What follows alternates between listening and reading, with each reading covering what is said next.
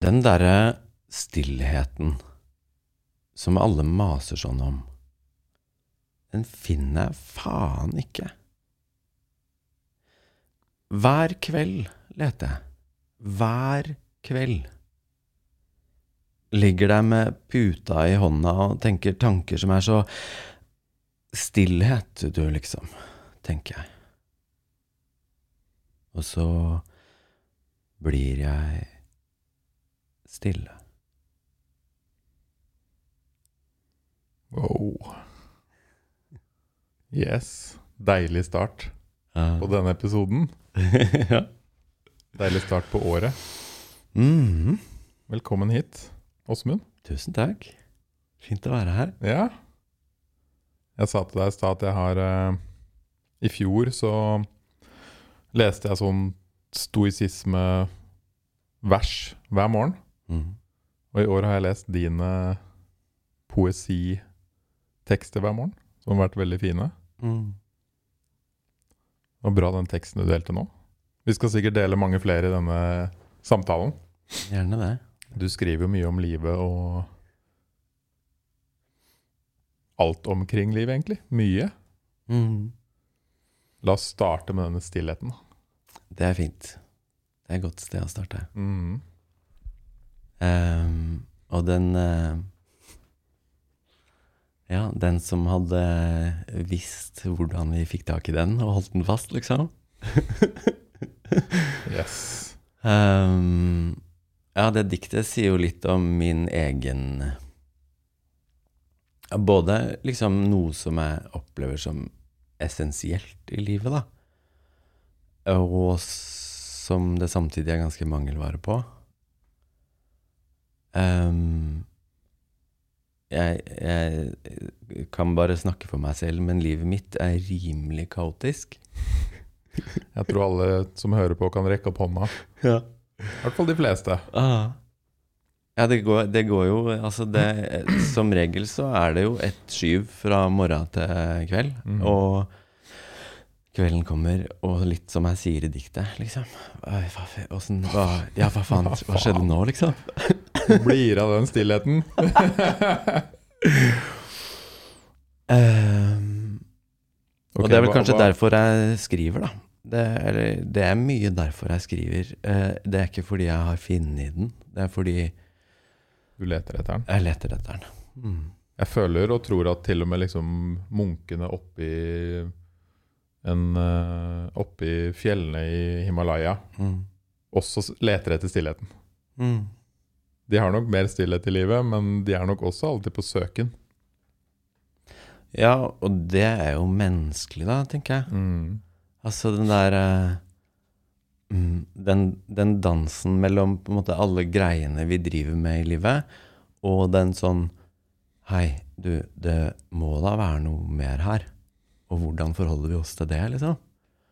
Eh, om vi eh, skynder oss å drikke øl når den følelsen kommer. eller skynder oss å jobbe mer. Eh, eller skynder oss å hva vi nå gjør. Jeg har eh, for all del gjort begge de, og mange flere. Um, Men hva, ok, mm, hva legger du i stillhet? mm. Um, å, det er et fint spørsmål. Ehm, på den mest spennende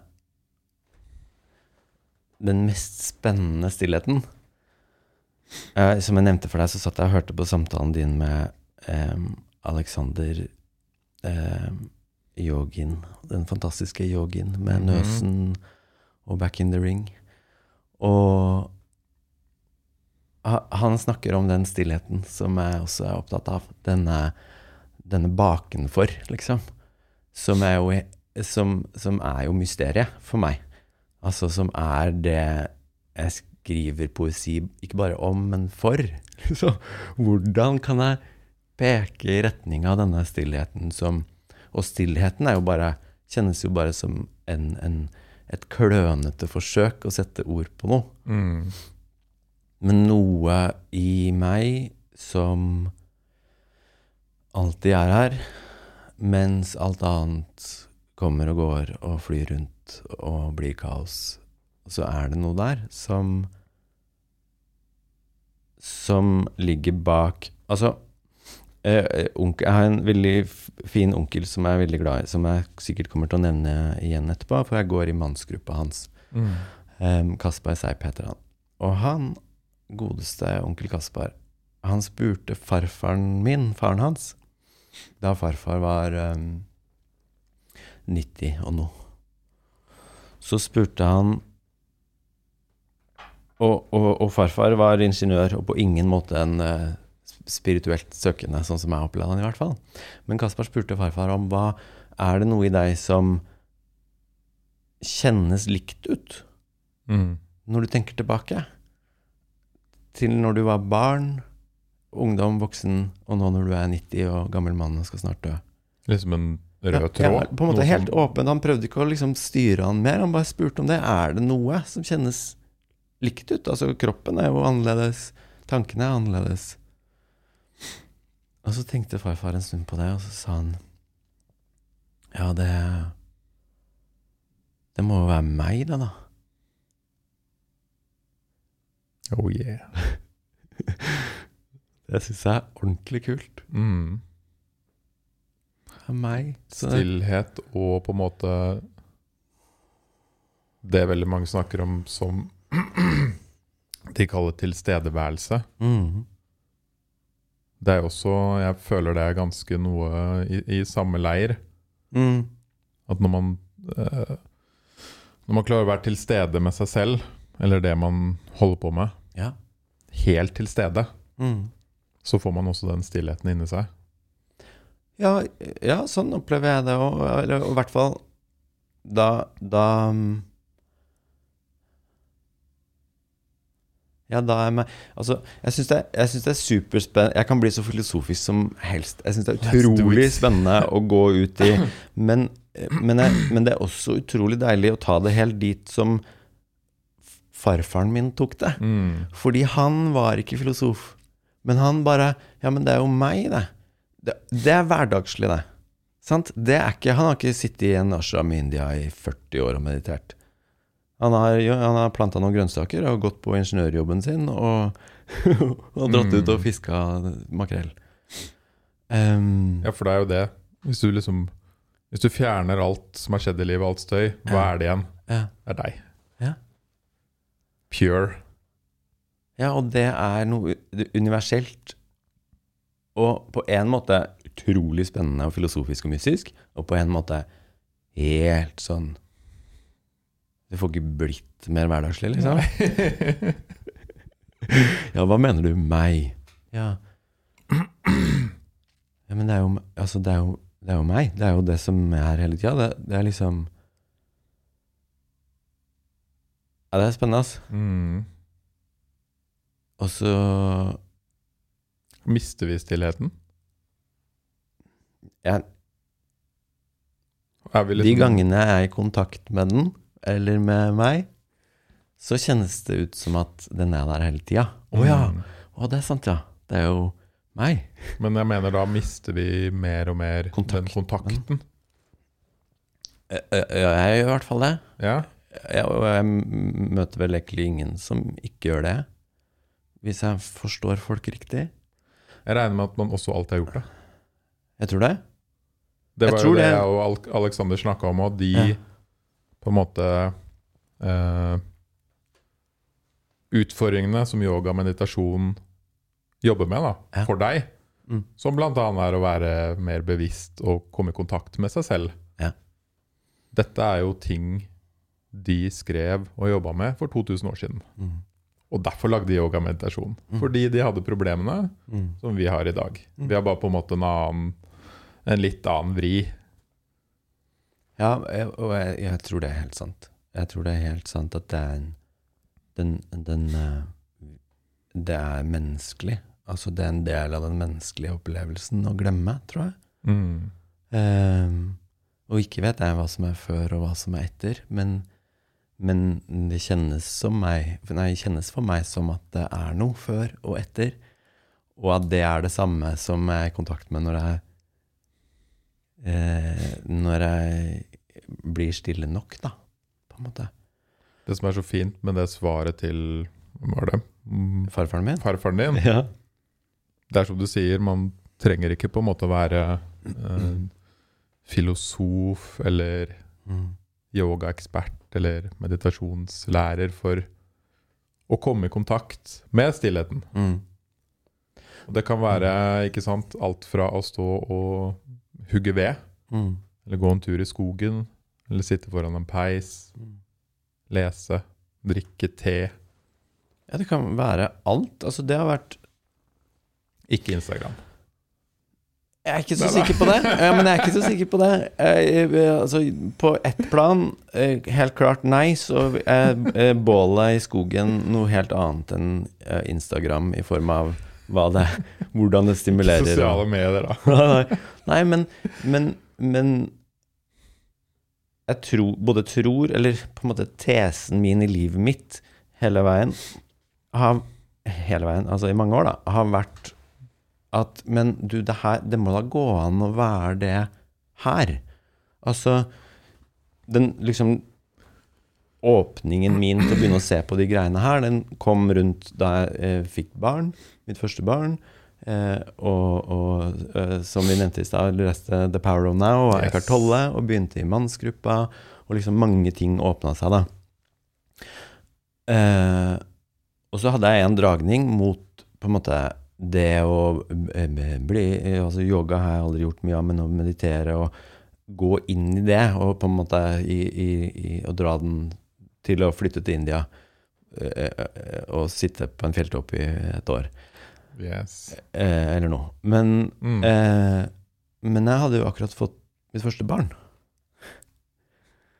Og jeg hadde nok issues i livet med å klare å være til stede i det. da. Jeg hadde fluktmekanismene mine har vært uh, ivrig, for å si det pent. Mm. Så jeg hadde en fornemmelse da, og den har jeg ennå, at det, men, men det må da gå an å være det her. I det kaoset. I den, i den på en måte hjelpeløsheten. I det at Ja, men faen, jeg er Altså, jeg er ikke Jeg er Åsmund, da. Jeg er ikke eh, en, en, en, en eh, Hva heter det? Hu- Hule... En eh, eremitt Mm. i eh, Tibet. Det, det, jeg er Åsmund. Jeg har den historien jeg har. Og jeg er en helt vanlig tulling, liksom. Som virkelig strever med å finne ut av livet mitt. Um, og, og, og da den gangen strevde som faen med eh, med to unger og jobb og hvem er jeg, og hva, hvordan i all verden får jeg det til å henge sammen med å skifte bleier og Ja. aggresjon og Og så kommer det masse sånn nål... Altså Det kommer masse sånn nåler fra verden, da. Ja. Man må ha penger, Ja. fordi ting koster penger. Og da må du ha liksom en eller annen form for inntekt. mm, Og så vil du ha ro. Mm. Og som du sier, du har barn. Og så vil du drive meditasjon. Og du vil egentlig være i India. mm. Ja, det kjennes jo For hodet kjennes det jo uløselig ut. Yes. Men du sa du da på den tiden leste den uh, Power of Now. Ja, Husker du noe av Hjalp det på noen Var det noe som satte i gang noen nye Ja, den var jo mer som en sånn Jeg husker ikke så mye av den konkret, men jeg husker følelsen av at den var sånn Sånn derre eh, Blåste på en glo som jeg ikke visste lå der. Yes.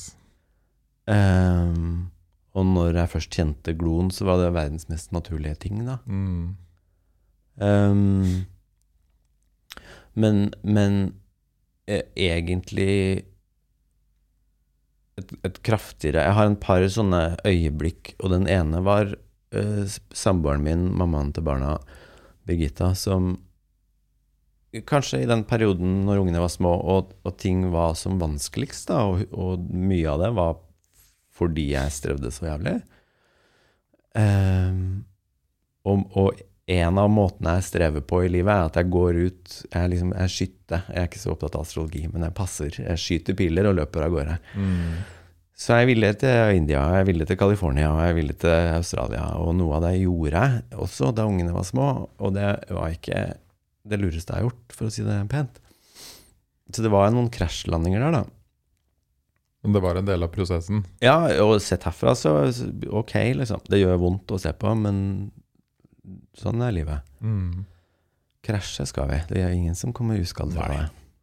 Men det Birgitta gjorde, på et eller annet tidspunkt Jeg tror ikke hun skjønte hva hun gjorde, men en eller annen morgen oppi alt det kaoset, så sier hun du, Åsmund, hvis um, Hvis du hadde hatt det der du drømmer om, hvis du hadde bodd i California, du hadde hatt den jobben og den tilstedeværelsen og den, det livet som du prøver å skaffe deg, hva hadde du gjort på morgenen da?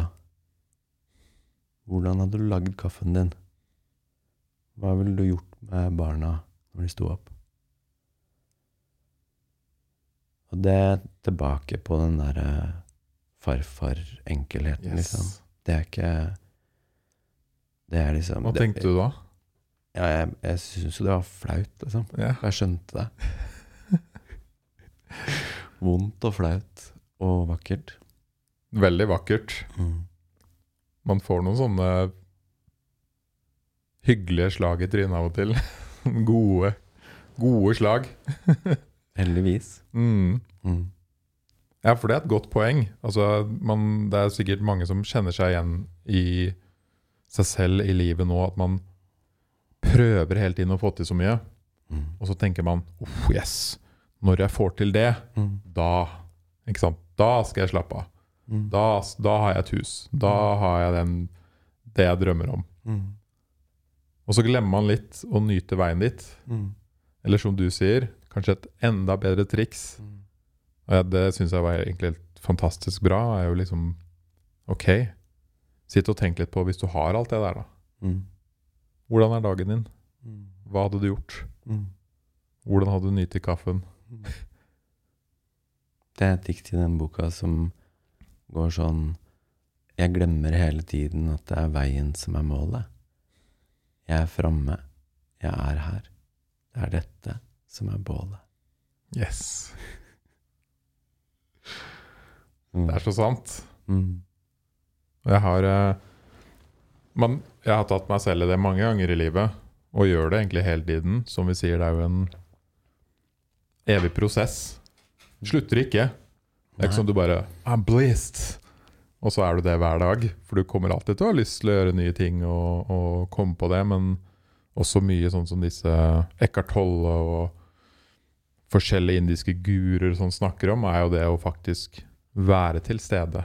Prøve å være mer her og nå, mer, mer deg.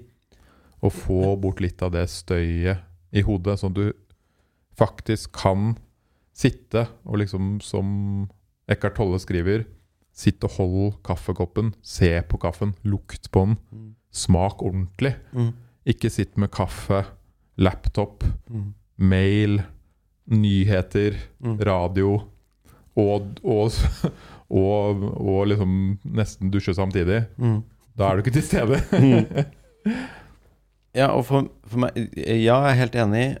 Og for meg så får det der den virkelige verdien og potensialet i det der for meg, utover at det å, det å øve seg i å flytte fokus, det har en stor verdi. Det Mm. å øve seg på å ta kaffekoppen sånn som du beskriver, det er kjempe det, det, Veldig verdifullt, opplever jeg, fordi det er, det er trening. Det er absolutt Men- trening. Men, men den store verdien og potensialet i det handler for meg om å ta det der inn i livet. Og Mm. livet er jo dirty. Det er skittent og grusete og humpete og jævlig, liksom. Mm. Og vakkert og, og, og vidunderlig.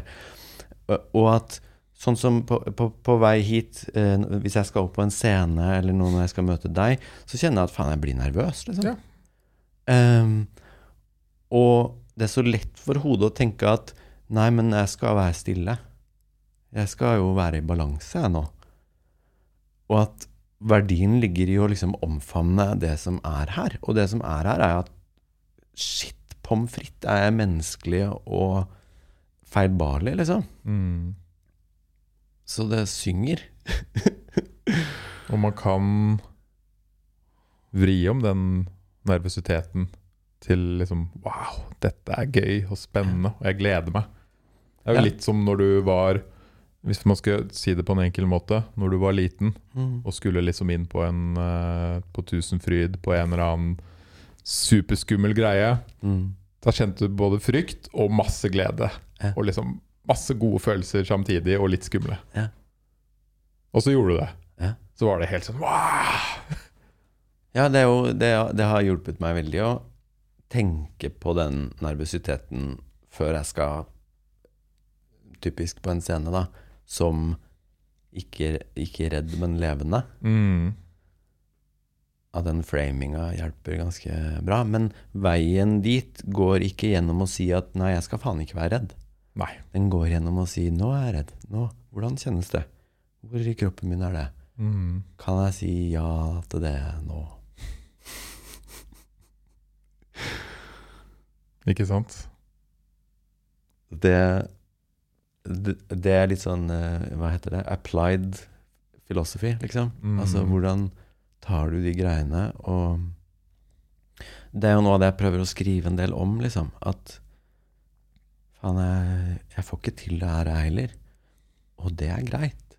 Og det er og, og det at det er greit, er ikke en resignasjon, det er en inngang. Det er spennende. Mm. Jeg tror også Jeg har diskutert det her mye med Med venner og samboeren min. At uh, vi lever også i en verden nå, f.eks. med Instagram og amerikanske podcaster, hvor man får et inntrykk av at livet til de folka er så perfekt. Mm. Fordi, ikke sant Ofte så er jo Ofte, for de fleste, så legg, bruker man jo sosiale medier på, som en, en arena for å skryte og vise liksom sitt beste. Mm. Og det er litt synd, Mm. for da kan man liksom uh, glemme litt at uh, han duden der og hun dama der, de har også harde tider. Mm. Og de har så mye de går gjennom. Mm. Og det er det jeg mener, da. Det er veldig mye støy i verden. Det er ganske vanskelig som person å liksom finne veien og forstå. Ja, dritvanskelig. Jeg, jeg er så glad for å ha akkurat blitt 40 og ikke være 13 eller 11 som gutta mine er, liksom. Ehm, og noe av det fine med å bli eldre er jo å kunne si Ja, men det der gidder jeg ikke å bry meg om. Nei, Det er så digg. Det er så digg. Ja. Om det er Snapchat, eller om det er aviser, eller eh, eh, eh, Å skulle ha en mening om alt, liksom. Ok, dette er veldig interessant. Det Mm. å bry seg om ting. Mm. La oss ta f.eks. covid som eksempel. da. Mm. Hvor mye skal man bry seg? Oi, shit. Det spør du meg om. Ehm, Fordi det er jo Jeg ser jo folk som bryr seg så mye mm. at det går utover livet deres. Ja. Altså, de, de, eh, de Det går utover helsa deres, Mm. humøret, Mm. eh, vennskap Mm. og familie. Da har du liksom dratt den for langt, og du er liksom eh, Egentlig blitt litt mm. fanga, da. I et, eh, I et sånt uh, sort hull av informasjon og, og, og ting som du egentlig ikke kan styre heller. Og livet byr jo på det. Uh, og så er det noe med tiden vi Altså, livet byr ustanselig på Det sier 'hei, se her, da'. Se her. Det her. Her er viktig, det. Check this shit. Ja, faen, det er viktig. Og så har vi på en måte eh, kopiert det i den, den mekanismen til hodene våre som hele tida insisterer på at det her er viktigst. Mye viktigere enn det som foregår nedi kroppen og Mm. i, i, en, i dypere deler av oss. Um, så har vi på en måte som samfunn kopiert det og strukturert samfunnet vårt til å være sånn i større og større grad. Sånn at vi hele tida, hvor enn vi snur oss, med mindre vi er ute i skogen, møtes med Se her, da! Se her! Se her! Du! Du! Hei! Kom igjen, da! Følg med her. Dette er viktig. viktig Det er viktig, viktig. Hva mener du om covid? Du! Hei! Hva mener du om covid? Ja. Jeg vet da faen, jeg. Jeg prøver alt jeg kan å ikke mene noe om covid. Ja, jeg òg. Jeg kan ikke si Um, noe om det lenger. Nei, og det har vært, det har vært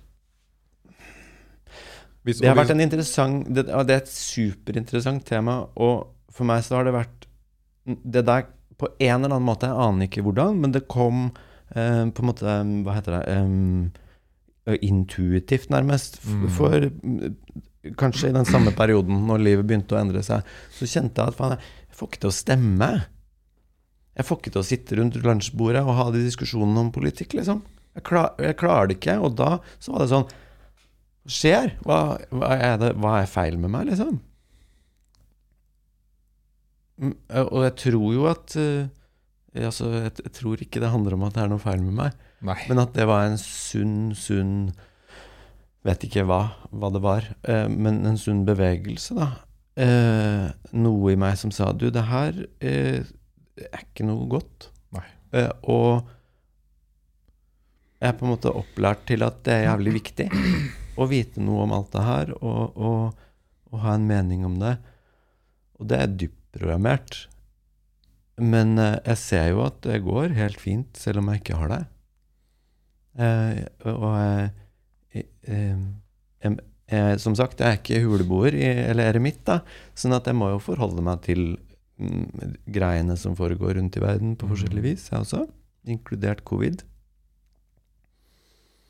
Men jeg opplever det som eh, veldig nyttig å øve meg på å se hva, hva, Ok, så mener du Da mener du kanskje at jeg egoist, dust, øh, en fin rekke av Ja, men det er greit. Det kan jeg tåle. Det ja, Jeg vet ikke hvor mye, hvor mye fornuftig jeg klarer å si om det der. Nei. Men eh, Det jeg har, siden vi starta å snakke om stillhet da, ja. i den uh, samtalen her Mm, Og nå var bare covid et eksempel, mm, men det er jo ting man tar tak i i livet, mm, og la oss si covid, som skaper veldig mye støy mm, i hodet ditt. mm, Hvor man blir liksom litt fastkjørt i at 'dette er viktig for meg'. mm, Og så eh, glemmer man liksom å stoppe litt og ta et steg tilbake. Og Ja. tenke litt og vurdere litt. Bare sånn Oi. Bruker jeg for mye tid på det her? Er det viktig for meg nå? mm. Trenger jeg egentlig å se på nyheter og lese avisene hver dag, eller Mm. holder det med én gang i uka? mm. Eller en gang hver andre uke? Er det noe jeg går glipp av? Mm. Er det noe jeg Ja, og jeg, jeg er veldig opptatt av lidenskap. mm, Eh, men skrivingen, den bevegelsen som, som, eh, som jeg er ute etter når jeg skriver poesi, det er den Ok, kan jeg vende blikket innover istedenfor til alle de greiene som hodet mitt mener er viktig? Yes. Eh, og finne en eller annen slags ydmykhet, en eller annen slags eh, lytting til Fordi jeg eh, oppriktig mener og opplever at jeg er en del av noe større. Det er noe mer her i livet, eh, og i, men, i den her eh, menneskeopplevelsen min, enn meg. Og jeg er en del av det Mm, så kan jeg Og det, og det eh, Jeg er ingen eh, verken antropolog eller historiker, men, men det opplever jeg de fleste um, De fleste tradisjonelle kulturene rundt om i verden snakker om. Og det eh, er det en grunn til. Uh, og det, og det og går vi langt nok bak, så er vi alle tradisjonelle kulturer. mm. Eh, Men jeg, liker veldig godt det du sa, å flytte mer av fokuset innover. mm, Og er det en sånn forsvarsmekanisme i hjernen at det er enklere å på en måte se utover og følge masse med og bare ah, bli overinformert, mm, enn å faktisk gå innover i seg selv og lytte til hvordan har jeg det, hva skjer nå, hvem er meg? Ja, det, tror jeg er kombinasjonen av mangel på trening og at det er menneskelig. At det er en menneskelig Vi trenger jo hodet. Vi trenger jo å Mm. kunne analysere omgivelsene våre. Mm. Vi trenger å kunne reagere på de. Eh, men, men, men det er et sykelig fokus på det, tror jeg. da. Ikke sant? Eh, og, og så har vi den her sekulære, teknologiske verden vår mista helt taket i den faktoren som jeg opplever som essensiell å ha med, og det er den meg. Denne forankringa i noe større, da. Um, og som kanskje Kanskje den er med på i mitt liv Det opplever jeg. At den er med på den forankringa, eller den Ja. Er med på å gjøre det lettere for meg å se på alt det som All det baluba, liksom, og si Ja, men det er greit. You can have it. Mm. It's okay. Eh, Det, det, det uten, å, uten at jeg får, jeg får eh, no, nok angst i livet, men at, uten at det må gi meg angst, i hvert fall. Mm. Ja, for det er jo det det kan føre til. Hvis det blir for mye ekstern input. Ja. Ja, og, og det for all del, det skjer med meg òg. At jeg mister taket, liksom. Ja. Så ustanselig. Men du bruker skriving og poesi som et verktøy? Ja, det vil jeg si. Ja. For å I, i, I første rekke som et verktøy for meg selv, fordi jeg trenger det. Fordi det er Mm. min um, Altså, jeg begynte å Nå føles det som om alt handler om denne perioden, i, i, for, men det var mye som skjedde i livet mitt der. Og det jeg begynte også å skrive for en 10-11 år siden, eller noe sånt. Mm. Og, og, og, og det, var en, det var en veldig konkret um, Jeg har på en måte i mange år hatt fornemmelsen at jeg skal skrive en eller annen gang i livet. Um, men da hadde jeg en tysk nær venn som eh, Som er og var zen-buddhist. Og han hadde blitt det for å komme seg ut av heroinmisbruk. Ja. Så han var en høy Hva heter det? High functioning, liksom. Han, han drev en IT-bedrift. Var leder av en svær IT-bedrift. Var på kjøret. Og skjønte at det her må jeg ut av. Og så klarte han det med hjelp av rimelig rigid eh, meditasjonsregime. Og så skrev han. Hm. Så han sto opp til faste tid hver morgen, mediterte og skrev. Og så fordi han er teknomann Han er teknomann, ja. Altså, ja, nei, nå mente jeg teknologi. Ja, ja unnskyld. Var- så la han det ut på bloggen sin med en gang. Som en Ja. del av praksisen. Og det gjorde han vel i tre år. Hver dag i tre år eller noe sånt. Og han tuppa meg i ræva og sa du, gjør det samme. Mm. Og det kjente jeg var sant. Så da gjorde jeg det. Satte meg ned, mediterte, skrev. Og så turte jeg å committe meg til ti dager først. Mm. Og la det ut på bloggen. Eh, og så kom jeg til ti, og så sa jeg ok, da. Jeg tar 100. Wow. Og så skrev jeg hver dag i 100 dager. Um, og det er vel et sånt fint bilde på hva skriving først og fremst er for meg. Det er et eh, Det var da et verktøy fordi jeg var desperat, liksom. Mm. Eh, for å si ok, jeg må begynne å dra et sted. Jeg må gjøre noe. Og så ser jeg på han vennen min at det virker. Eh, og, og, og, og, nå er det Nå er skriving mer for meg òg, men det er fremdeles det. Det er det at jeg Faen, jeg virrer jo rundt her og snubler som alle andre. Mm. Og jeg trenger noe å trene med. eh, som, som forankrer meg, og som holder meg fast. Og, og det er skriving. Ikke sant? Mm. Og det virker jo som andre verktøyer. Meditasjon, som sikkert er, eller som jeg veit er øh, ganske vanskelig i begynnelsen. Og selvfølgelig til tider når du har kommet inn i det, også vanskelig. Mm. Uh, for du må liksom over, en, over kneika. Mm. Som du sa, ti dager. Og så bare OK. ja. Men det er sikkert når du har kommet til liksom 50-60 at du virkelig begynner å komme inn i det. ja, og det interessante den interessante erfaringa jeg gjorde med de, de, de to første bøkene mine Jeg har skrevet fire, og de to første skrev jeg på samme måte. 100 dager. Mm. Med personlig skriving. Og den, det mest interessante med det var den opplevelsen av at um, eh, jeg skrev som regel i, I begynnelsen skrev jeg på morgenen, men etter hvert så endte jeg opp med å skrive på kvelden når ungene hadde lagt seg. Og da gikk jeg hele dagen og tenkte Kanskje jeg skal skrive om det Ja. det, og det er en god idé. Wow! Og så gikk jeg og polerte på den og gnikka og liksom bare Fy faen, her ble det bra tekst. Mm. Og så kom jeg til kvelden, og så begynte jeg å skrive liksom sånn Se her, nå. Se. Og så tok det bare eh, litt tid før jeg skjønte nei. Det her Både ble det en ræva tekst, og det er ikke sant. og det jeg driver med, å prøve å lete etter noe som er sant, da. Og så Ja, stemmer det. Sånn var det. Da slipper vi, sletter vi det, og slipper det. Og blir stille og holder kjeft og lytter etter hva er det som vil sies akkurat nå. Mm.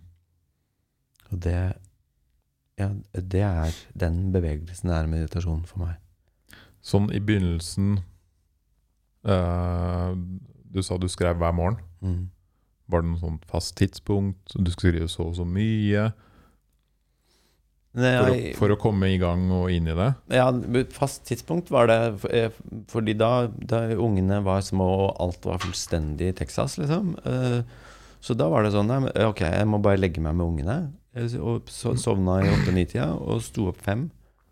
Og satte meg, for da kunne jeg ha en time eller to Mm. på kjøkkenet med liksom ro og fokus. Så det trengte jeg. Det, den, den der den, jeg, jeg kunne nok ha godt, hatt godt av litt mer struktur på det i dag òg. Mm. Men for å komme i gang så var det viktig for meg å ha en sånn Ok, her er, en, her er strukturen, det committer jeg meg til, og jeg slipper ikke unna. Jeg lar meg ikke slippe unna. Jeg har jo hatt en uh, veldig Veldig kul kar her som heter Brendan. Og han kjører jo sånn 100 dagers Ja, utfordringer. ja Alt, alt mulig. Altså Den siste nå har jo vært uh, hoppetau. Ja. Og, og han, men han, han Der han syntes det var så gøy etter 100 dager, så nå er han oppe i sånn 400 eller noe. Og han er så syk på Altså Hvis dere vil se, så søk på Brennan Martin. ja, så gøy. Han er sånn én hånd og rundt hodet og liksom hopper inn i det igjen, og det er helt vilt. Men han, han var på podkasten veldig tidlig og fortalte om liksom styrken i å gjøre noe i 100 dager. Ja, så morsomt. Du må liksom, det er en uh, challenge. Mm. Det tar tid å komme inn i det. Det tar Mm. tid å etablere uh, Etablere det i livet. Mm.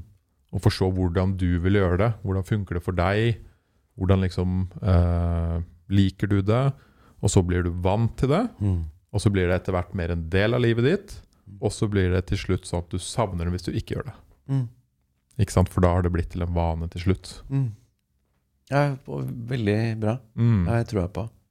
Og han har jo Han sa den ene 100-dagers-målet hans var å gå på 7-Eleven hver morgen klokka fem for å se hva slags mennesker han møtte. Oi. Eller klokka fire eller noe. Wow. I 100 dager. Ja. Altså, han møtte jo så sykt mye fargerike, rare, Så stilig. interessante karakterer og, Ja. og liksom snakke med folk, da. Men det er jo og en ting er liksom Det er jo, det er jo hundrevis av um, eksempler på å si eh, Her er en struktur som du skal gjøre hver dag, og den skal du gjøre fordi du må ta deg sammen. Mm. Fordi ta seg sammen er veien til et bra liv. Og det, det, det, det kan være en funksjon i å ta seg sammen, tror jeg. Absolutt. Men å si Å si eh, gjør noe outrageous, liksom. Mm. Gjør noe helt sånn Helt annerledes. Ja. ja nydelig. Hoppetau, hva mer han har gjort? Uh, Pushups ja, Masse forskjellig. Mm. Og så er det jo noe med det, da, etter hvert når du kommer inn i det eh, Det er noe med det å ha en win i livet hver dag. Ja. At du har klart noe. Uansett om dagen er superdritt, Ja. så har du klart å skrevet. Ja. så har du en win. Du har en et, Ja, det fikk jeg til. Ja, og så er det noe veldig, veldig vakkert med det å committe til en sånn struktur, da. Og det er at du kommer til å møte motstand. Mm. Uansett om hva du committer deg til. Om det er det fineste du Om det er å spise uh, muffins med krem. Så kommer du til å være kvalm på dag 73, liksom. Ja. Um, Eller han ville karen som spiste burger Hvor lenge var det? Noen måneder? ja, ja, som lagde film om det. Ja. Ja, super eh, et eller annet. ja. Mm. Super Size Me eller noe. Ja. Jeg tror ikke jeg ville valgt den, ass. Nei, men, men uansett hva du gjør, så møter du motstand, og det er Ja. også menneskelig, da. Og det er den samme det, eh, Altså, ja, jeg tror veldig på at det er sunt å øve seg på å si Hei, du, der var du igjen. Mm. Jeg, det, du får være med, det er greit. Jeg, men jeg har ikke tenkt å gi meg. Ikke sant? Jeg har en øh, en, en jeg kan lese her. Ja. Det er vilt å tenke på hvor tamme vi er blitt, hvor dempende vi er blitt. Nei, du er ikke sær. Du trenger ikke bare være snill. Du har et liv her. Gjør det vått. Gjør det rått. Du er tross, tross alt født vill. Mm. Den er kul. Den er fin. Mm. Du er tross alt født vill. Hva tenkte du når du skrev den her, da? Jeg får lyst til å spørre tilbake med en gang. Hva, hva skjer med deg når du leser det? Jeg har bare skrevet ett ord, og det er 'vill'. Nei, det er jo veldig Jeg tenkte sånn øh, Veldig relatert til mye av det vi har snakket om i dag. Mm. Det er viktig å prøve å komme i kontakt med seg selv og stillhet eh, eller tilstedeværelse. Og eh, oppi alt det så handler det jo også mye om, som du skriver her, hvor tamme vi er blitt, og hvor dempende vi er blitt. Eh, vi har blitt veldig programmert inn i et samfunn, Mm. og programmert til å leve etter visse eh, Ikke bare regler og lover, men måter å være på og Mm. måter å Ikke sant, som vi snakka om, du skal følge med på ting. Du skal være på sosiale medier. Vi har på en måte blitt dempa fra oss selv, da. Fra den ville, råe, indre seg selv. Mm. Men den er alltid der. Mm. Og du kan liksom prøve å bryte litt ut. Av det. Mm. Det er som å slippe bikkja ut fra, fra båndet, ikke sant? Mm. Og la den løpe fri i skogen litt. Mm. Vi er den bikkja i bånd, i en by, som går der hele tiden. I disse mønstrene og rutinene, og av og til så må du bare Ok, nå må jeg ta meg båndet. Mm. Ja, det er jo Altså, jeg, jeg, jeg begynte å tenke på et dikt til, um, hvis jeg finner det. Ehm, Den boka her heter forresten 'Det er dette som er bålet'. mm. Hvis noen har lyst til å ha den liggende hjemme og lese litt, Mm.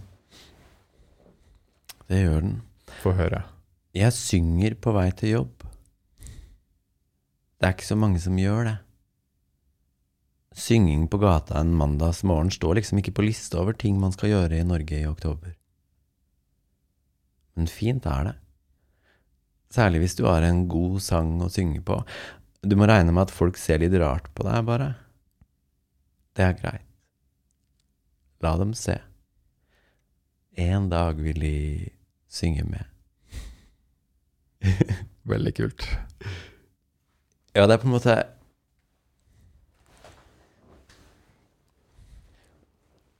Altså, du, Gjør du det? Det hender jeg gjør det, ja. Du gjør det, ja. ja? Ikke sånn konsekvent, nei, Nei, men det hender jeg gjør det. Mm. Og så gjør jeg sånne det, Noen ganger så har jeg sånn verdens minste mikroaktivisme. Som er sånn å gå rundt i byen, og så ser jeg et eller annet jeg kan balansere på. Mm.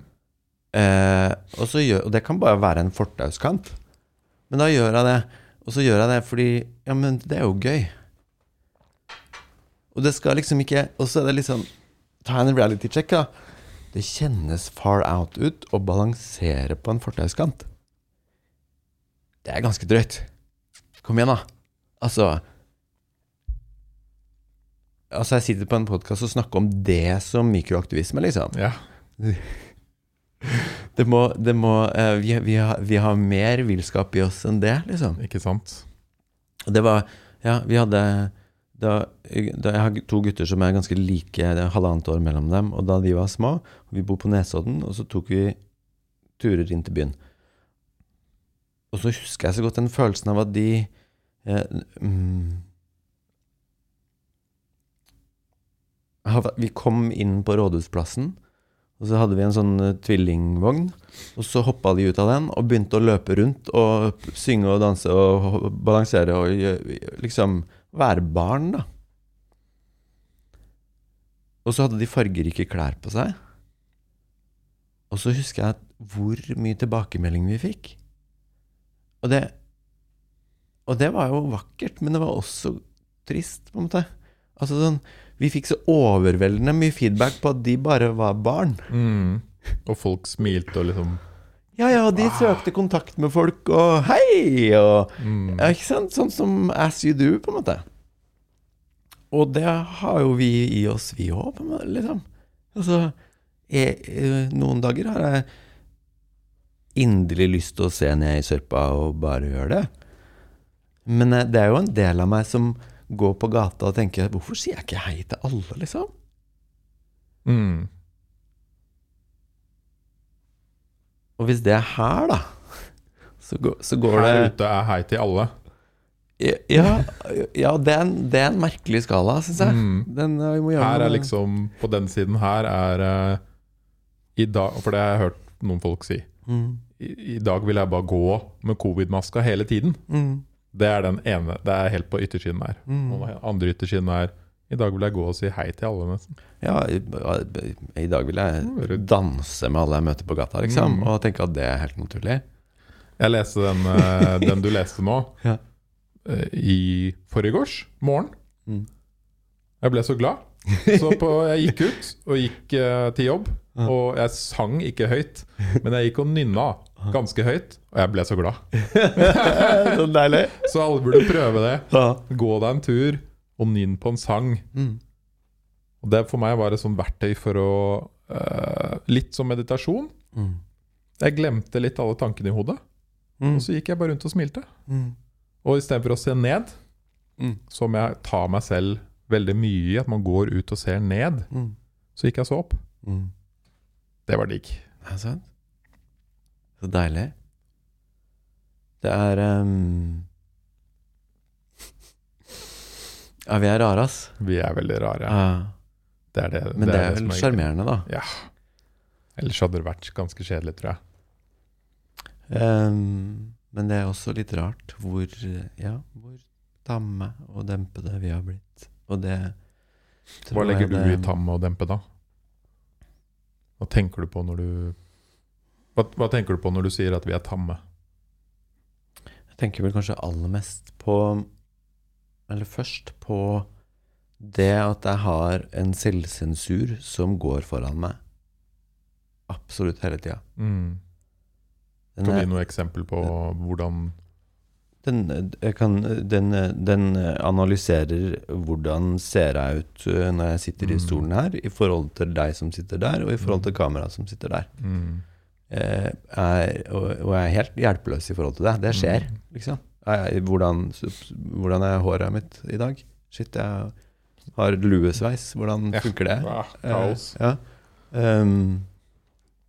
Eh, eh, eh, den analyserer det jeg sier. Eh, om ikke før jeg har sagt det, så i hvert fall rett etterpå. Eh, så, så underveis i samtalen har jeg allerede hatt flere hundre noen, noen De fleste legger jeg på en måte ikke merke til. Men innimellom så jeg jo, hører jeg jo at hodet setter i gang og sier sånn Nei, men øh, sa jeg det? Jeg burde jo ikke ha sagt det. Eh, Kan vi Nei, jeg må få det jeg må, Nå må jeg få samtalen i en annen retning. Det er jævlig slitsomt, da. Mm. Mm, Og- jeg, kan, jeg øver meg jo og har jo og- og innimellom kan velge å ikke høre på det. Men det er jo noe av den tamheten, liksom. At hele tida er det noe som sier sånn Nei, nei, demp deg nå. Du, ikke så Kan ikke gjøre det. Mm. Og det er vel eh, kanskje særlig fordi vi gjennom barndommen lærer at det er utrygt, liksom. Altså at hvis du Mm. stikker hodet ut og viser hvem du egentlig er, så får du kjapt tilbakemelding på at Nå var det litt mye deg. nå var det litt mye deg. Og om du ikke får en på tygga, så kjennes det sånn ut, i hvert fall. Mm. Um, ja. Nei, det er mye å si om det der. Det, det ligger mye potensial, føler jeg, i å ta sjansen på å være oss. Og det er jo Det ligger mye smerte i å pakke det inn hele tida òg, liksom. Og ikke bare i, i, å være, i å være tam, men at i å, i å si at neimen, å være menneske, det går bare hit. Og så kjenner vi Går bare liksom hit til kanten av buksen, da, på en måte, for å bruke et velbrukt Men så kjenner vi at uh, det går jo egentlig veldig mye lenger. Mm. Og det er jo egentlig ikke geometriske former i det hele tatt. Det er det kan, Du kan ikke engang beskrive det, liksom. Du kan ikke bruke matematikk til å finne ut det, liksom. Um, og der, der er det jo ikke bare mye uh, det er jo det er på en måte vi kan, vi kan tøyse med å synge på gata, men det er jo et, for meg også et dypt alvor i det, som handler om at jeg selv kan kjenne Jeg har strevd med angst, og, jeg, eh, og, og vi er en, en, en haug av kvinner, og ikke minst menn, som tar livet vårt hvert år. Ja. Og jeg kan, ikke, jeg kan ikke si hvorfor de gjør det, men, men at noe av det må ha med at de ikke opplever at, de, at det er trygt å være seg selv, Mm. tror jeg jo er greit å, å, å ha med i teorien. Eller så har de ja, Ikke bare det, men også det da at de har mista kontakt med seg selv. Ja. De finner ikke seg selv i den verden her. Og det er jo veldig vanskelig. Hvis er man ikke føler at man ikke finner seg selv, og at man ikke passer inn Mm. fordi man ikke er fri. Mm. Man tør ikke å liksom Eller ikke det at man ikke tør, man klarer ikke Mm. å på en måte finne tilbake. Mm.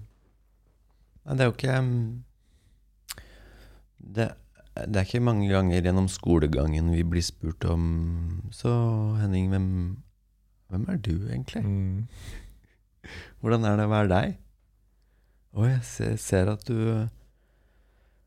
du, eh, Det brenner bak øynene dine når du får gjøre sløyd, liksom. Ha, Mm. spennende. Nei, det mm, Eller når du får Når du lytter til teknomusikk. Ja. Hva skjer med deg da? Ikke sant? Sitter og rister. Du, jeg vil Mm. også egentlig Du har et, et om kjærlighet her. Mm. Skal vi se om jeg finner den. Ja, den her er også veldig fin.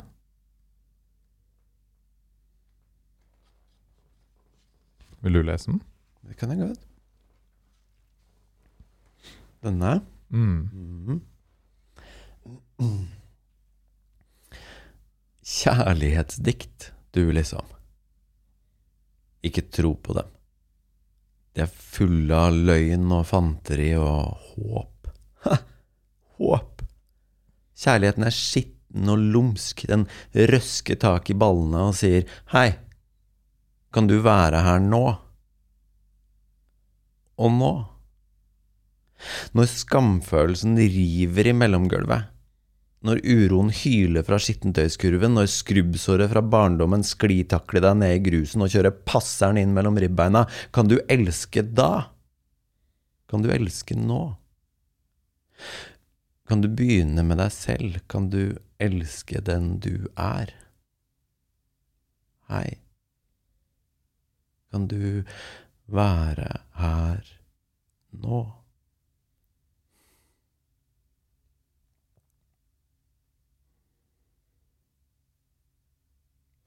Den liker jeg veldig godt. Mm. Jeg, jeg starter med å tenke, og det er det som er så fint med den. Mm. Eh, jeg starter med å tenke, når du liksom sier kjærligheten der, og uh, kjærlighetsdikt, Mm. så tenker jeg ok, nå handler det om kjærlighet i forhold til uh, kjærligheten til andre, i et parforhold, eller liksom det var der jeg starta å tenke. Mm. Men så kommer du etter hvert lenger ned, og så handler det egentlig om deg selv Mm. først. Mm. Mm. Ja, det er jo, en, det er jo der um, Ta på maska først før du hjelper andre, på en måte. Altså at jeg, jeg, I den grad jeg kan elske deg, så går det gjennom kjærlighet til meg selv. Og at det er jo slett ikke så lett, det heller, ofte. Mm, en av de fine Jeg nevnte at jeg går i den mannsgruppa til onkelen min, og en av de ordentlig fine tingene som jeg har lært av ham, det er å si at det må, det må Og der motsier jeg meg selv i diktet, for så vidt, men at det med å elske seg selv, det høres ut som et ganske far reach, liksom. Det, det, det er en, en stor elefant å spise. Mm. Så svaret på det er ofte nei, det kan jeg ikke. Så vi må begynne et annet sted. Så det han foreslår, er å si kan du være vennlig mot deg selv? Når du ser Når, når såra fra barndommen sklitakler deg ned i grusen, liksom, og du ser feilbarligheten og hjelpeløsheten din, og din manglende evne til å vise kjærlighet til både deg selv og andre kan jeg se på det med vennlighet? Det, det kan fremdeles være ganske vanskelig, Mm. men det er mer oppnåelig, da. Og det er veien. Ikke sant? Men da går jeg der, da. Da begynner jeg der, liksom. Fordi jeg, jeg har vært sammen med min elskede i snart 20 år. Og det er jo ikke noen eh, Det er jo noen sånne, som, sånne eh, varm tropenetter i juli med gresshopper og piña colada, holdt jeg på å si. Faen. Akkurat det har det vel aldri vært, tatt. Men, men uh, En dag en dag, så er det en dag gresshopper og skal vi piña colada. faen meg drikke det. En tropenatt. Men uh, det er mye det er mye Det er det er mye hverdag, og det er mye uh, sklitaklinger, liksom. Ja. Det er det. Og det og det, og det mange dager det er vanskelig for meg å elske henne. Og det er mange dager det er vanskelig for meg å elske meg selv. Mm. Og det Og den um, og, og det å tro på at livet er noe annet, er jo uoppnåelig, liksom. Opplever jeg det, i hvert fall. Det er fint å komme til den erkjennelsen Mm. og ærligheten med Mm. seg selv. Det gjør ting litt lettere. Mm. At man aksepterer de dagene. Mm. Og at du kan si det åpent og ærlig. Det er jo veldig bra. Regner med at det er mange som kjenner seg igjen. Man, Ja, da er vi liksom tilbake Egentlig tilbake til det med å synge på gata. Mm. Altså, eller ikke det, men til det å uttrykke det den vi er. Og, og prøve å snakke sant, og skrive sant, og leve sant. Det vi Den og det vi er. Mm.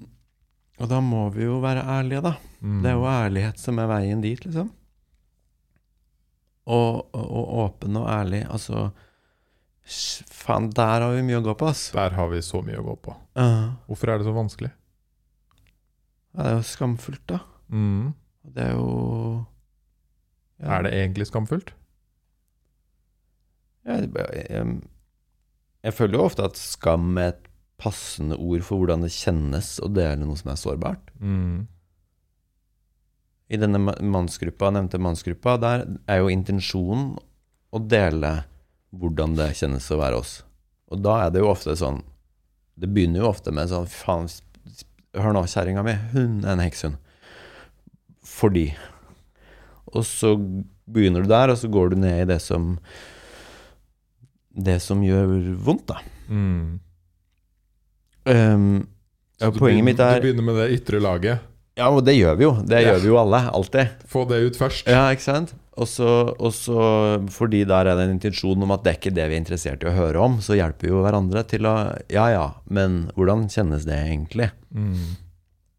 Så vi kan begynne å ta ansvar for oss selv da, og våre egne greier. Men, men poenget mitt med det, det er at jeg, har gått i den mannsgruppa i 13-14 et eller annet år. Og hver gang jeg selv deler, fremdeles, så er jeg fylt opp av Uh, en eller annen miks av uh, skam og utilstrekkelighet og følelsen av at det her kan da umulig bety noe, og jeg må være den eneste stakkars lille jævel i verden som kan ha det sånn. Det kan umulig være noen andre som er så dust som meg. Mm. Og når alle de andre deler om livene sine, uansett hvor forskjellige vi er, så kjenner jeg meg alltid igjen. Det må være veldig På en måte tilfredsstillende. Eller altså behagelig. Eller eh, godt å vite at man ikke er alene i sånne type tanker. Veldig. Det er, det er noe av det viktigste med det. Mm. At å øve seg på ærlighet og åpenhet og, og kjenne at ja, det er sant, det. Det er ikke bare meg, nei. Du kan være så Du kan se så Instagram-polert ut som du bare vil. Mm. Og du kommer ikke uskadd fra det, og du snubler rundt her. Akkurat, altså, Du er bare en helt vanlig dust, eh, du òg. Alle er vanlige duster. Eh, presidenter og popstjerner og alle, liksom. Ikke at jeg kjenner så mange presidenter, men jeg tar det for gitt. Mm. Mm. Ehm, og det er vakkert. Det er vakkert, det. Og det er lindrende, om du vil. Altså at det hjelper å vite det. Mm. Um, for altså, hallo, så ensomt det her moderne livet kan føles, liksom. Ja. Um, Det er ikke rart det er vanskelig å finne stillheten i hodet. nei, det er ikke rart. Det er ikke rart. Og det hjelper å høre at det er sånn for deg òg. Mm. Ehm, og det tror jeg på. Den, kraften i det tror jeg på. Så da må vi bare prøve å øve oss da, så godt vi kan. Kan jeg, kan jeg kline til å være ærlig her nå i møte med deg? Kan jeg si noe om ikke bare tankene og meningene mine om poesi og liv og stillhet og meditasjon, men hvordan er det da å være meg, liksom? Det er eh, Fordi da, da Det gir deg muligheten til å møte meg, Mm. og meg muligheten til å møte deg. Og det tror jeg trengs. Så digg å si at livet ikke er så lett. Mm. Det er mye dritt. Mm. Det er mye av veldig gode tekster som kommer ut i boka di, da. Mm. hvor du kjenner deg igjen. Som du sier når du sitter i denne mannssirkelen nå Mm. og hører andre folk si ting om livet sitt. Mm. Og bare. Deilig. Mm. Hvordan du sier du har vært i det i sånn 13 år? Noe sånn, ish. Ikke så flink på tall, men ja. Mhm. Fortell litt om uh, hva en mannssirkel er, da. Hvordan det funker. Um, det er uh, leda av, av nevnte Kaspar, uh, som er terapeut. Uh, nå eh, har han vel slutta å kalle seg terapeut og kaller seg urolærer. Mm. Ehm, og er en, en Vi møtes en gang i måneden. mm, lager ofte mat for hverandre og har tre timer hvor hele poenget er å la all all praten om alt det vi vanligvis snakker om, om fotball eller covid eller hva det nå er, ligge. Og gjøre det vi kan, og ta sjansen på å prøve å si noe som betyr noe for oss. Mm. Dele noe som står på spill, liksom. Um, og så gir vi hverandre feedback. Og den feedbacken handler ikke om om vi er enig i at eh, kona di er en heks, eller ikke. Den handler om om du kan klare å si noe som, er, som kommer herfra. Klar, tror jeg på deg? Klar, er, det, er det sant? Eller kan du Mm. gå lenger inn i det? Hjelpe hverandre til det, da. Så det, ja, det er en stor gave. Mm. Hva er det som på en måte skjer når det eh, ikke er kvinner i rommet i en sånn sirkel? Mm. Det heter jo mannssirkel. Mm. Og så har kvinner kvinnesirkler. Ja, ja.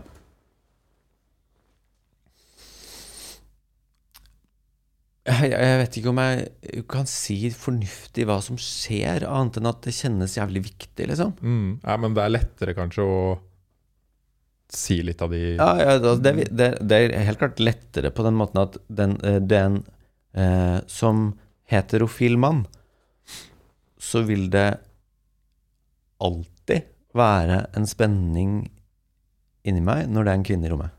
mm. Helt uavhengig av hvem denne kvinnen er. Det vil alltid være en spenning der. Det er, det er magnetisme, på en måte. Eh, og den tar du vekk når det er bare menn. Ja. Um, Og det gjør at man kan åpne seg litt mer, eller snakke mer? ja, mer. det opplever jeg. Ikke sant? Ja, og så Mm. opplever jeg at det er på en måte en sånn eh, Altså at ja, det kjennes viktig, og det kjennes Altså det kjennes sant. Det kjennes som sånn Akkurat som bålet, da. Jeg skriver om bålet og bruker det som både metafor og, og noe, noe konkret som er viktig for meg. Det å møtes i mannefellesskap ha, tror jeg jo vi har gjort så lenge vi har vært folk, Mm. liksom. Ehm, ja, jeg, jeg, det er ikke, jeg, jeg har ikke så Nei, det er, Det er så lett å rote I, I 2021 så er det så lett å rote Nei, hvor er vi? 2022? Shit. Ja.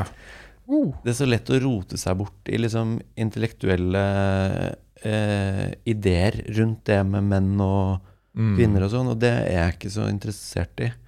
Men, men jeg opplever det som en stor, stor verdi å få lov til å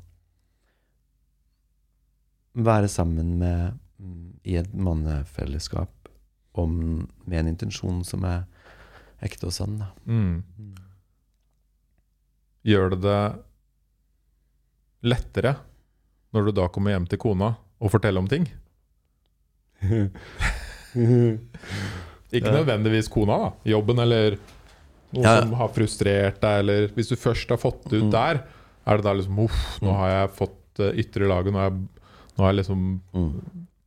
Det har, noen, det har vært noen artige runder med å komme hjem og ha delt noe i mannsgruppa, og liksom fått feedback, og så ikke skjønt, skjønt selv at nå er jeg litt blåst opp, liksom. Ja. Og så komme hjem og bare Du, hei, hør her nå! og, så, og så Og så Å ja. Du har vært i mannsgruppe, ja? All right. Ja, sant det. Ja, vi snakkes i morgen. Vi snakker mer i morgen. Ja, tenk på det. Ta tenk på det litt mer. Men eh, mm, Men ja, det er helt klart lettere. Um, og det, parforhold er jo perfekt bilde på det, fordi det, det er jo utrolig mye av kommunikasjonen i parforholdet som kan handle om Som egentlig handler om at jeg prøver å få det til å være din feil. Mm. At det, det er du som har skyld i at jeg har det som jeg har det. Mm. Uh, og det å øve seg igjen og igjen på å, å oppdage hva er, min, hva er mine følelser og mitt ansvar her, det gjør at jeg kan eh, Jeg opplever at, at det gjør at jeg kan møte kona mi og si i større grad hvordan det er for meg, istedenfor um, Du gjør det og det, og det Og det må du gi deg med. Mm. Ehm, ja, det er veldig, veldig nyttig. Høres givende ut. Mm. Kanskje er det, det er noe jeg skal sjekke ut i 2022. Ja, det, s- det er heier jeg på. Mm. Mm. Flere menn går i noen mannegrupper, flere kvinner går i Det virker som en form for terapi, da. Ja, det er jo det. Ja. Det er det. Ikke sant? Mm. Det må være perfekt, sier hodet. Det må være levende, sier livet. Mm. det er fint. Ja. Kort og veldig godt Mm. beskrevet. Mm. Jakten etter det perfekte, Mm. det er ganske slitsomt. Mm. Ja, det er utmattende. Mm. Og så er det så levende her allerede. Det er det. Jeg ser jo veldig mange Er på en måte litt fastkjørt, fastsatt, i jakten på det perfekte. Mm. At de glemmer litt å leve. Mm. Og jeg har også vært det. Og jeg er det til tider. Mm. Kan jeg kjenne meg igjen i. Mm. Ikke bare det perfekte, men det å liksom Som vi var inne på i stad, skulle leve etter eh, hvordan vi ser andre folk lever. Ja. Da glemmer man litt seg selv igjen. Hva tenkte du når du skrev den? Jeg tror du er inne på er inne Det? på- Um, det er den der den der, det, det vidunderlige øyeblikket når du har den erkjennelsen av at det er jo her. Mye av det jeg leter etter, liksom. Mm. Mye av det jeg strever etter. At eh, det ser ikke sånn ut som jeg tror det skal se ut, liksom. Jeg bor ikke i California. Nei. Um, eller i en hule i Tibet. Um, jeg er ikke rik. Ehm, jeg har en uh, Volvo som begynner å skrante, liksom. Um, og så videre. Men Men det er noe her som er her nå. Hele tida. Og det er tilgjengelig. Og det er levende. Og det lever jeg jo egentlig strengt tatt for. Og så deilig og juicy livet kan være når jeg kan huske det, liksom. Mm. At eh, På mikro- og makroplan, liksom. Altså at den, den nervøsiteten jeg følte før jeg kom hit, den er livet, liksom. Yes. Akkurat da er den livet. Um, uh, og den, den, de omstendighetene jeg har, er livet. Mm. Da kan jeg jo faen meg begynne å leve, da! Yes. Og det er gøy. Mm. Det er ordentlig gøy. Det skal jo være gøy å leve. Til tider. Jeg tror det. Ja. Jeg tror det. Jeg tror um, Det skal være litt vilt. Jeg tror det skal være gøyere og villere enn um, enn vi later til å tro, da. Mm. Enn uh, enn vi prøver å ha det til. Jeg tror i et, et, det, er jo ikke, det, er, det, er jo, det er jo ikke noe gøy. Jeg tror ikke det vi syns det egentlig er noe gøy. Å være fanga i disse mønstrene vi er fanga i, da. Mm, og disse ideene. Mm, og ikke vet, det har jeg, jeg har ikke oppskrifta på hvordan vi skal komme oss ut av det, men innimellom så er det noen glimt, da. Oi, shit, jeg kan synge på vei til jobb! Wow! ikke sant? Og shit, jeg kan prøve å ta ansvar for de følelsene jeg har, da. Mm. Og shit, jeg kan ta sjansen på å dele noe av det. Åpent og så ærlig som jeg kan. Og plutselig så er livet mer levende. Jeg turte å ta den tøffe samtalen. Ja. Wow. Uten å være perfekt, liksom. Ja. Men jeg hoppa i det og tok sjansen på å prøve å si Jeg vet ikke hva jeg skal si Jeg blir hjelpeløs jeg, i møte med det her. Mm. Så begynner vi der, da, for det er sant. Når vi sier noe som er sant, så låser vi på en måte opp en dør til noen ressurser og noe greier. Eller jeg har det ikke så bra, Eller jeg har det ikke så bra. for eksempel. Jeg tror mange er ganske dårlige på å si det. Mm. Nå har jeg det ikke så bra. Mm. Å ja. Da har du åpna en dør. Mm. Og så bare uff, oi, det føltes deilig å si det, egentlig. Mm. Mm. Ja, ikke sant? Det er Det er for meg det egentlige og viktige følelsen av bliss som du snakka om før i dag. Altså at det er ikke noe som jeg oppnår når jeg tar meg sammen bra nok og sitter og mediterer nok og er opplyst nok. Det er når jeg kan ta sjansen på å være meg her, liksom. Mm. Å være meg her. Hvis det er Akkurat nå har jeg det vondt, liksom. Det Misforstå meg rett, men det er bliss, liksom.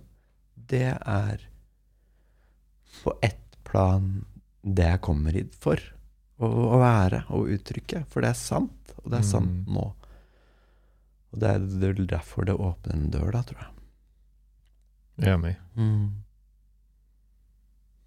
Så fint å høre. Mm. Fint å snakke om. Det er deilig å Jeg har jo, øh, liksom som jeg sa i fjor, leste jeg mye øh, stoisisme. Mm. Daily Stoic heter den boka. Ja. Hvor du har én liten tekst fra uh, en, en gammel tekst Mm. om livet Mm. hver dag. Om et eller annet. De er ofte korte. Mm. Noen ganger litt lengre. Og så har på en måte forfatteren beskrevet hva de betyr under. Mm. Og så leser jeg dine nå, som minner meg ganske mye om de, Mm. på visse måter. Det handler om livet, det handler om følelser, det handler om det at Ikke sant Alt er ikke så lett. Ting er rått. Ting er vilt. Mm. Ting er jævlig.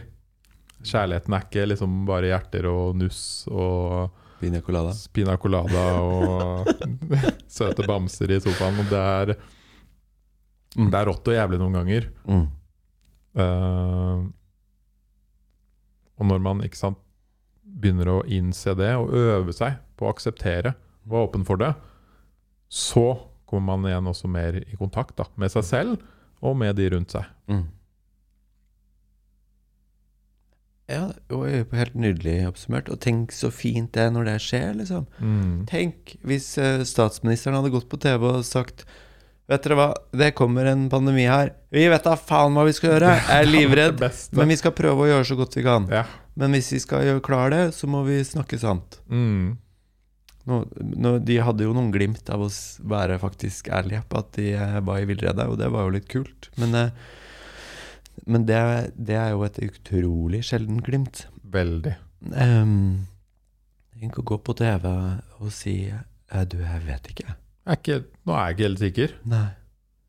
Og det, Det er kjempevanskelig, det her. ja, og det gjør meg urolig. Mm.